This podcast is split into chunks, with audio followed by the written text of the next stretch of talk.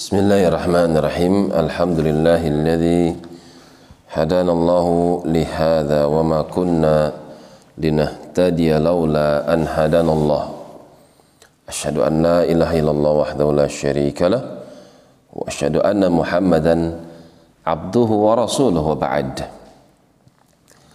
masih di dalam surah Al-Ahqaf sampai pada firman-Nya wa wassaynal insana biwalidayhi ihsana sesungguhnya kami telah memerintahkan dan menetapkan dengan menekankan perintah kepada mereka insan manusia dari jenis apa pun dia hitam putih dengan berbagai macam bahasa Arab atau ajam mereka mendapatkan perintah biwalidayhi ihsana untuk berbuat baik kepada kedua orang tuanya. Apabila disebut walidaih walidain maka maknanya menitik beratkan kepada ibu. Tapi kalau bahasanya menggunakan abawain, maka itu menitik beratkan kepada bapak.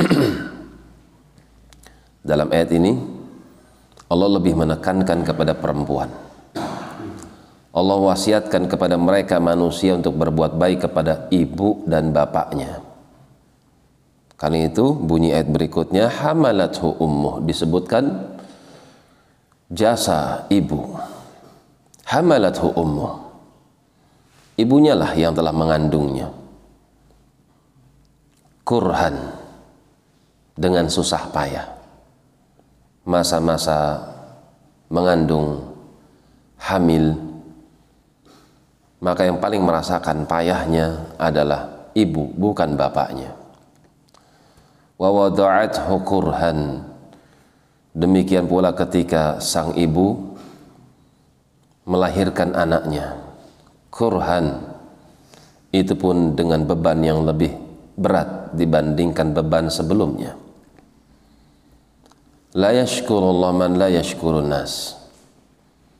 Belum dikatakan dia bersyukur kepada Allah sampai dia bersyukur kepada manusia. Manusia yang paling layak untuk mendapatkan syukur adalah ibu dan ayah.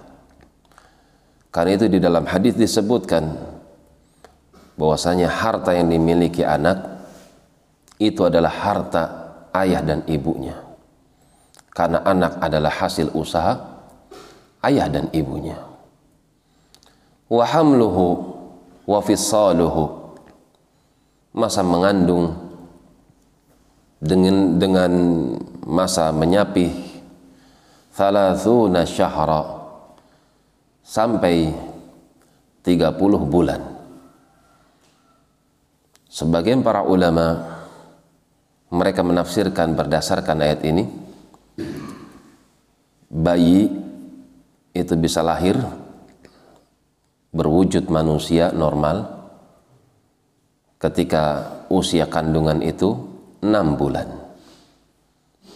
Karena 30 bulan itu adalah usia enam bulan ketika dia lahir kemudian masa menyapihnya dua tahun hatta idza balagha ashuddahu. Sehingga ketika anak ini sudah sampai usia yang besar tumbuh dewasa wa balagha arba'ina sana bahkan sampai kepada usia matang. Usia matang manusia itu 40 tahun. Apabila diibaratkan seperti sebuah bangunan maka bangunan manusia itu layaknya piramid ujungnya lancip satu sisi dia sedang naik ke atas akan tapi kalau sudah sampai kepada puncaknya dia akan menurun orang yang sudah sampai usia 40 maka dia telah sampai kepada puncaknya kehidupannya kematangan di dalam hidupnya. Apabila sudah lewat masa-masa usia 40, maka persiapkan dia akan turun ke bawah. Tubuhnya akan lemah, mudah terkena berbagai macam penyakit, kelupaan, dan seterusnya.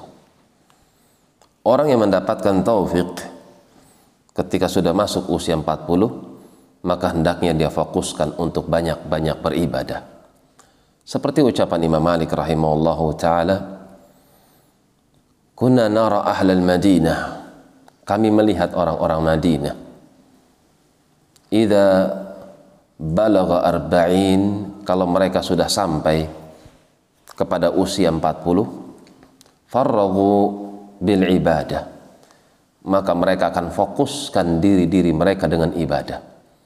Bisnis tetap jalan perniagaan tetap jalan akan tetapi ibadahnya disiplin. Karena dia sudah sampai kepada masa akhir dari masa-masa jayanya. 40 tahun adalah usia keemasan lebih dari angka 40 maka itu adalah masa-masa perbekalan yang mantap untuk menghadapi kematian. Demikian wallahu taala a'lam bissawab. Subhanakallahumma wa bihamdik. Asyhadu an la ilaha illa anta astaghfiruka wa atubu ilaik. Tafadalu barakallahu fikum